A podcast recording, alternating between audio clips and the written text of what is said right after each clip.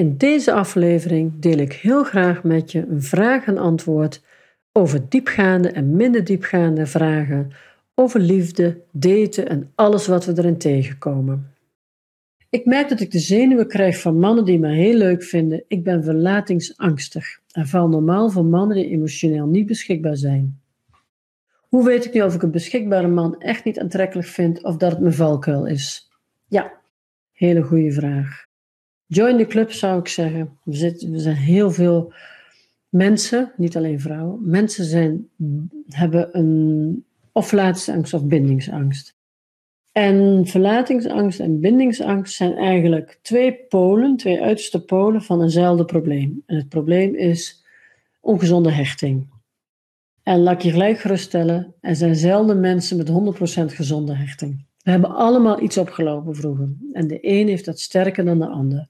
En afhankelijk van, want die, ja, dat, dat, dat niet goed gehecht zijn, komt ook weer door de wonden die onze eigen ouders hadden. En die ouders daarvoor weer, en jouw grootouders enzovoort. Dus daar is eigenlijk soort basis van het doorgeven van wonden, zorgt heel vaak voor een hechtingsprobleem. Dan zijn ouders eigenlijk niet goed bij machten om het kind voldoende te bevestigen. Nou, dat is helemaal heel normaal. Want ja, alle moeders hier zullen ook wel herkennen dat je af en toe ontzettend tekort kunt schieten, dat je ontzettend blunders maakt, enzovoort, enzovoort. Dat hoort er gewoon bij. Het leven is geen geplaveid pad.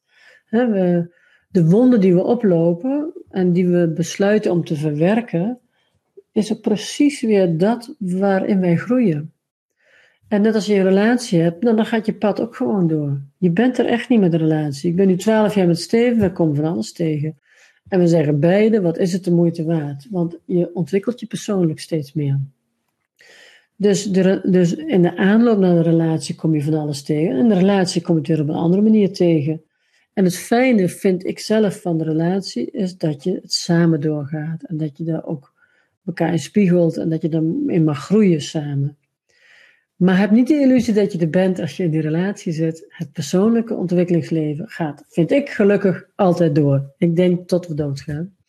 Dus we worden allemaal met die wond geboren. De een heeft een sterker hechtingsprobleem dan de ander. Jij herkent heel duidelijk nu jouw, uh, jouw bindingsangst, zeg maar. En het is, ik zal gelijk vertellen, want de meeste mensen die bindingsangst hebben, hebben ook verlatingsangst. Dus dan gaan we zo heen en weer. Hè? Dus is er een man die jou heel leuk vindt, dan schiet je de bindingsangst. Is er een man die jij heel leuk vindt, dan word je waarschijnlijk claimend. En dan, uh, hè, dat zijn altijd de mannen die niet beschikbaar zijn, daar ga je voor claimen. En dan kom je in die verlatingsangstkant. Dus het heeft altijd met elkaar te maken. Maar wat we willen, is net zoals straks zei, die antenne, die moet het midden uitkomen. Dus dat jij vanuit een heel, een soort rust kunt kiezen voor een gezonde relatie. Het feit dat jij valt van mannen die emotioneel niet beschikbaar zijn, komt waarschijnlijk uit jouw jeugd dat je ook een soort vader hebt gehad die emotioneel niet zo toegankelijk was. Het hoeft helemaal geen vervelende man te zijn. Er kunnen hele lieve vaders zijn, alleen ze hebben dat emotionele stukje niet. Waardoor jij te weinig bevestigd bent geweest dat jij oké bent zoals je bent, zonder dat je per iets hoeft te presteren de vrouwen die op niet beschikbare, emotioneel beschikbare mannen vallen, hebben meestal iets in hun vaderstukje. Dus een, een, vader die, de vader achter de krant noem ik het ook wel, of de vader die hard werkt en alleen s'avonds het gezin een beetje bestiert. Dus dat is jouw eerste punt. Ga eens onderzoeken of dat klopt. Dat je altijd, dat je eigenlijk iets aan het herhalen bent wat je kent van eerdere situaties. Want wat heel fijn is van een emotioneel niet beschikbare man, is dat je ook niet aangesproken wordt op jouw hart. Het, je, eigenlijk kiezen we hiermee een veilige weg. Zolang we bezig blijven met emotioneel onbeschikbare mannen, lopen we geen risico van de liefde. Onbewust weet jij, deze man gaat nooit voor me kiezen, dus ben je veilig. Veilig tussen haakjes natuurlijk, want waarom zou je veilig zijn? Een gezonde relatie dwingt jou om grenzen te geven, om je hart te openen, om de pijn onder ogen te komen die je ook gehad hebt. De pijn van het niet geleefde leven, noem ik het wel eens.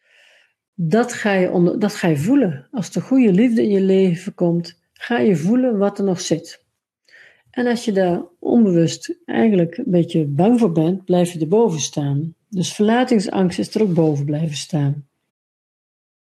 En een beschikbare man echt of wel of niet aantrekkelijk vinden, dat is eigenlijk een stap te ver. Want je hebt eigenlijk eerst nog te kijken naar nou, dat emotion, dus vallen op de niet emotioneel beschikbare mannen. En als er een man op je. Jij is even zo'n schot voor de boeg hoor. Klopt het dat jij mannen die jou leuk vinden heel snel saai vindt? Dus ik roep maar eens. Ik roep maar wat hoor. Even kijken wat je erop zegt. Klopt. Oké, dan gaat het over jouw vader. Ja. Mijn vader werkte twee banen en er was te weinig. Ja, er was weinig.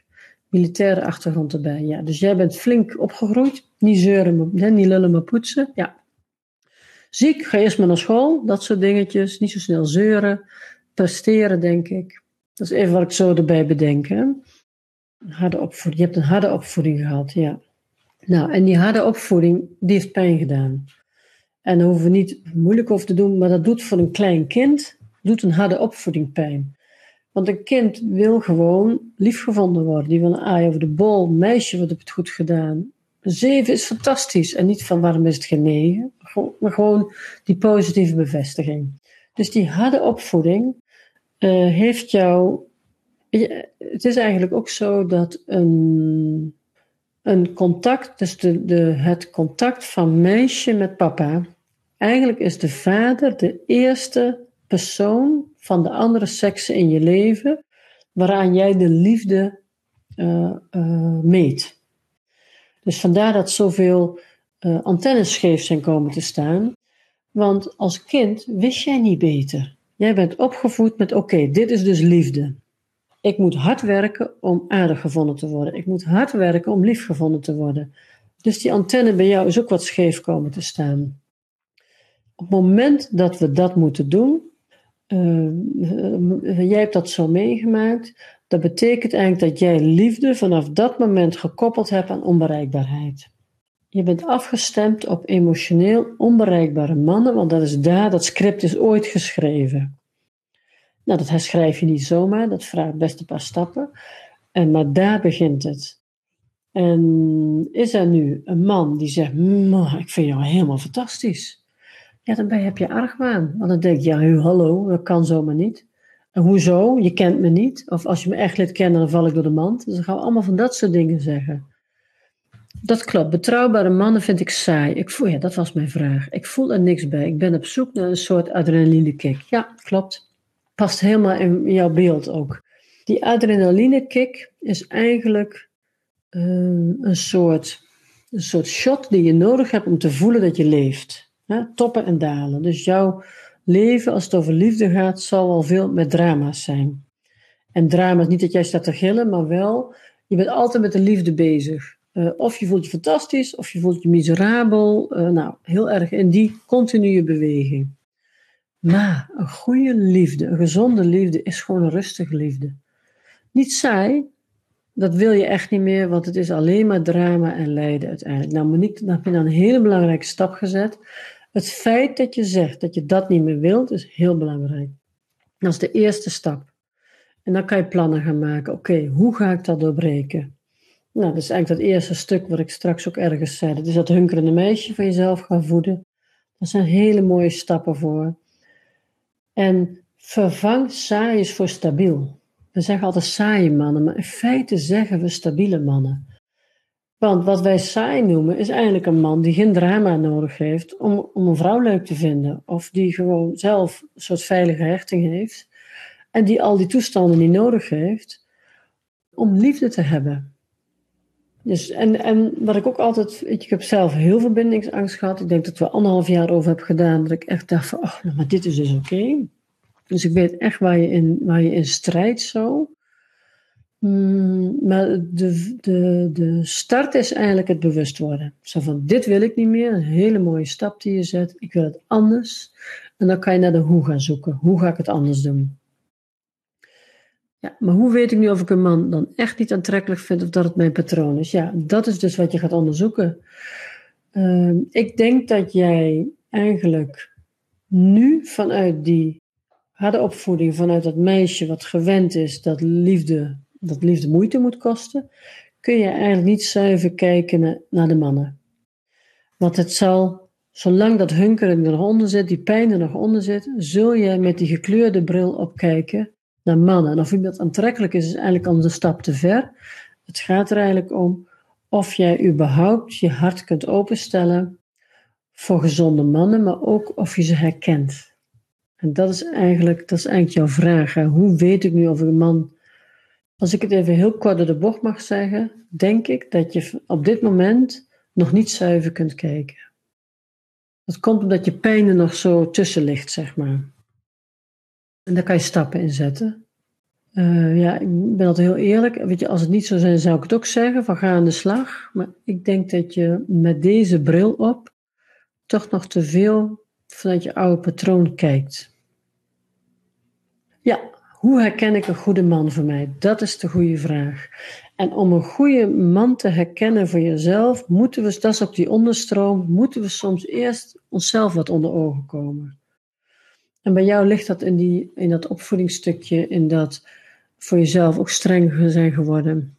Nee, je moet niet meer daten. Nee, eh, maar misschien moet ik niet daten dan. Nee, ik zou zeggen, ga eerst dit helder krijgen en dan pas daten omdat je, ehm, als je met deze pijn gaat daten, um, ben je heel kwetsbaar. En ja, ik zou je graag steunen erin. Maar goed, dat weet je. Um, als je nu gaat daten, dan eigenlijk ga je met je hunkerende meisje daten. Zo moet je het zien. En een kind kan niet daten. Alleen een volwassene kan daten. En je hebt eigenlijk nog dat weg tussen dat kind en die volwassene daar heb je nog een paar dingen liggen. Daar kan je nog in versterken en dan is daten wel weer veilig en dan heb je een andere bril op. Want het is ook zo dat het laatste stukje bindingsangst en uh, verlatingsangst is eigenlijk alleen maar te helen in een veilige relatie. Dus het is heel belangrijk dat je uh, goed onderzoek doet, dat je dit echt uitkomt. Hè, dan kan je hulp verzoeken, nou, er zijn mogelijkheden. Maar dan is het op een bepaald moment wel belangrijk dat je gaat daten. En dat je wel die stap gaat zetten. Omdat we dan eigenlijk nog gaan kijken van nou, dan heb ik alles geleerd enzovoort enzovoort. En hoe zit het in de praktijk? Nou, en dan ga je dus door de echte ontmoetingen die je hebt, ga je voelen van ik ben benauwd van die man. Of uh, heb je weer zo'n saaie man. Maar dan kun je verder. Want dan heb je oude patroon helder. En dan zul je stap voor stap gaan zien dat het anders wordt. In die interviewtjes die ik afneem, vraag ik ook altijd naar type man. zeg ik, is dit nou je type man die je gevonden hebt? Zelden. Nou, ik, volgens mij heb ik nog niemand tegengekomen die zegt, ja, dat is echt mijn type man. En ik denk dat jij ook een soort type man in je hoofd hebt. Klopt dat? En dat je daar eigenlijk naar op zoek bent en dat, het die, dat die het maar niet wordt. En ik raad iedereen aan om te stoppen met het zoeken naar je type man. Want die is het tot nu toe echt niet geworden. En als je de doorsnee mensen om je heen vraagt, was hij je type man? Dan is dat meestal niet zo. Dat zit maar in ons hoofd en daarmee maken we ons, ons, ons, ja, onze view zo smal. Goed omschreven. Ja, ik snap dat je niet kunt daten met je kind onder de arm. Ik ben al een jaar in therapie, maar het schiet niet echt op. Ja, ja, ja, je zoekt de stoere man.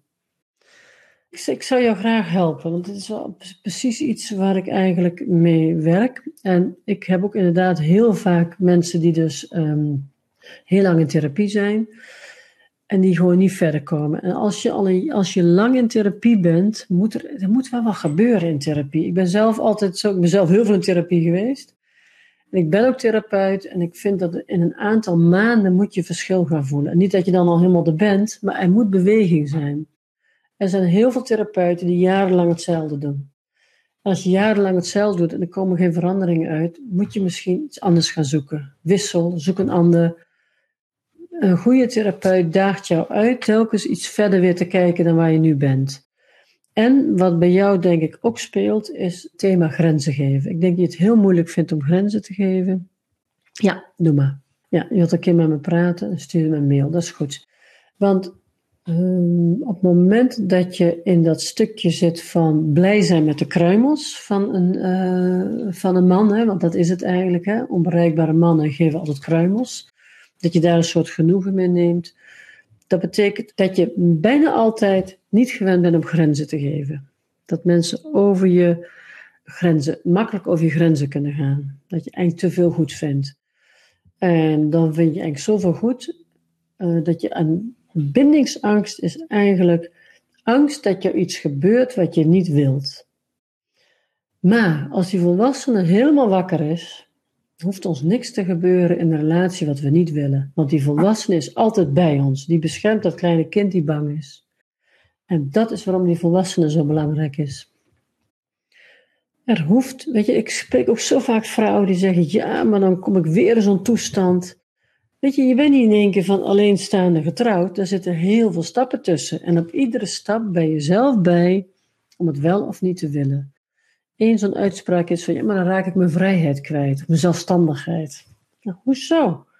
Je gaat toch met een man iets krijgen die ook jou, die jou waardeert om je zelfstandigheid, of die jou, ja, je bent zo vrij in de relatie zoals je het zelf maakt. Ruimte krijg je niet, ruimte neem je.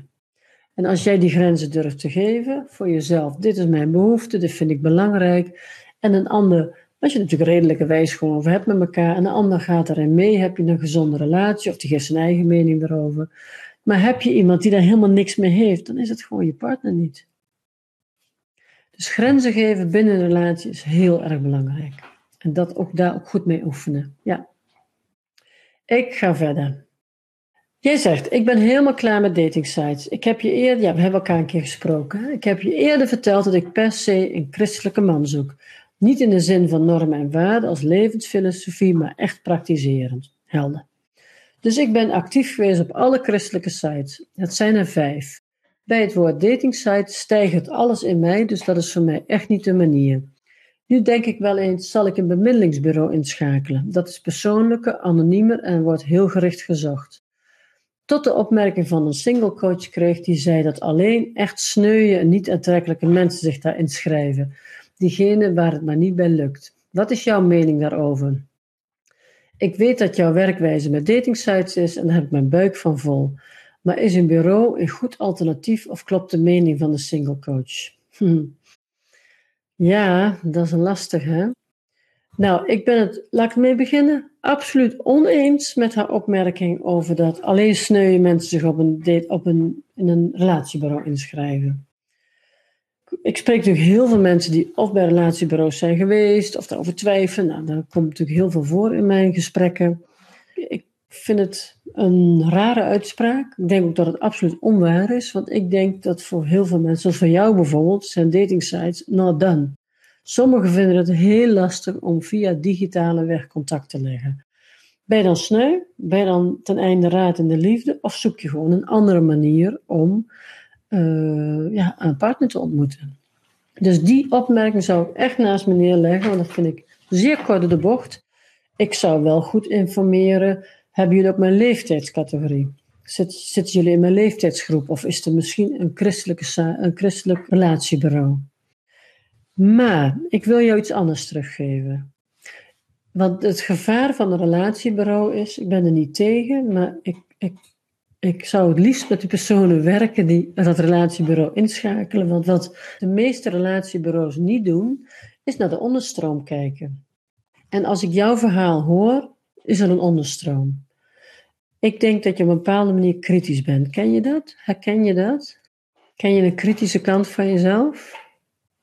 Ja en nee, oké. Ja, dat zal een beetje ook weer zijn van uh, makkelijk meegaan. Of, ja. Het is namelijk zo dat als je op... Het is, ik ben even een beetje aan het puzzelen, omdat het dubbel is. Ik zeg namelijk altijd, het is heel belangrijk op welke site je staat. En het is ook tegelijkertijd niet belangrijk. Nu is het zo dat sommige mensen op sommige sites het gewoon niet goed doen. Dat zei ik ook in mijn webinar vaak. Dat ik zeg, soms kom ik vrouwen tegen die staan eigenlijk al jaren op de verkeerde site. En dat is omdat ik iemand dan persoonlijk leer kennen. En dan denk ik van, nou, volgens mij moet je, zit je beter op die site. Dat is wat anders dan wat ik nu ga zeggen.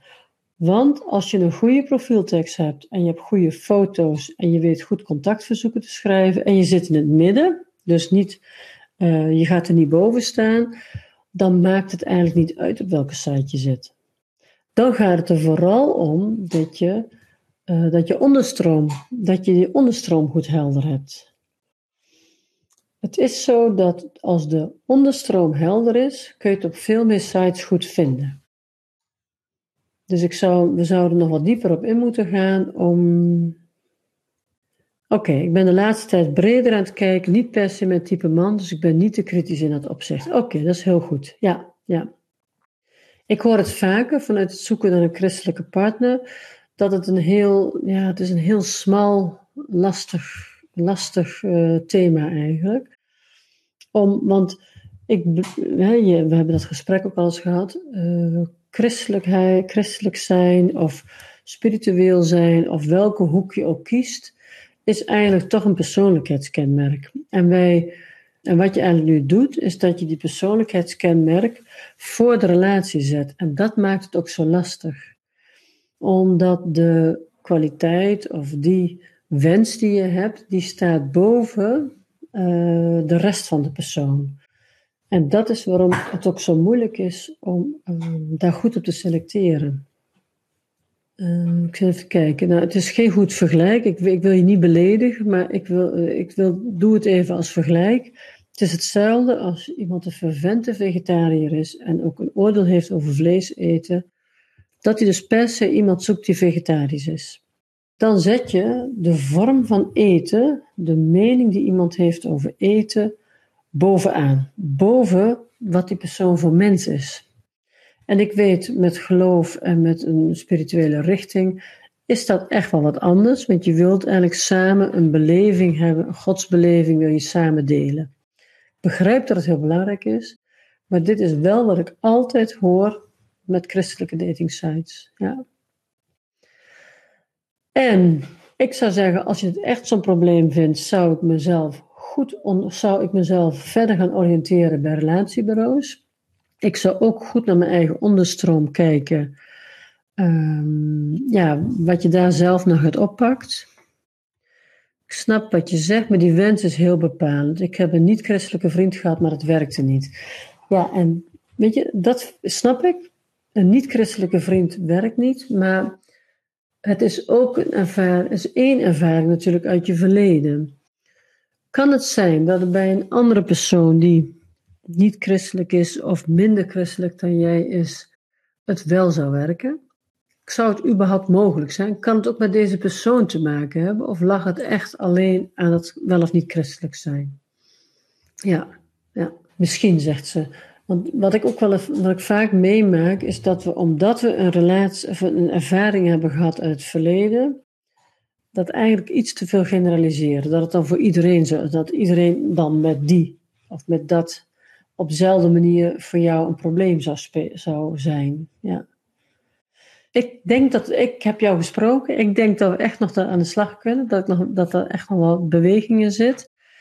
Um, maar als jij zegt van nee, ik wil dat toch echt niet via dating sites, dan zou ik een goed bureau onderzoeken. Maar stel de goede vragen. Vraag het over jouw leeftijd. En uh, dat is belangrijk volgens mij. Wil je ook nog kinderen? Dus dat is denk ik heel wezenlijk dat je in de goede leeftijdsgroep zit. En natuurlijk dan op een christelijke uh, bureau. Ja. Ja, dus ik kan jou gedeeltelijk antwoord geven. Is dit oké voor jou? wil je er nog wat meer over zeggen? Oké, ik heb een aantal bureaus gesproken. Ze zeggen het heel eerlijk als ze geen christelijke resultaten hebben. Ja, ja, kandidaten hebben, sorry. Ja, ja. Ik, en ik zou echt het idee loslaten dat het versneuien mensen is. Er zijn meer mensen die hier tegenaan lopen, net zoals jij. Ja. Vond je deze podcast inspirerend en wil je heel graag meer weten hoe jij jouw liefde kunt vinden? Kijk op mijn website www.laatsteliefde.nl en ik help jou heel erg graag verder. Heb je een vraag die je graag beantwoord wil hebben in deze podcast? Stuur me een mailtje info@laatsteliefde.nl. De liefde bestaat wel, ook voor jou.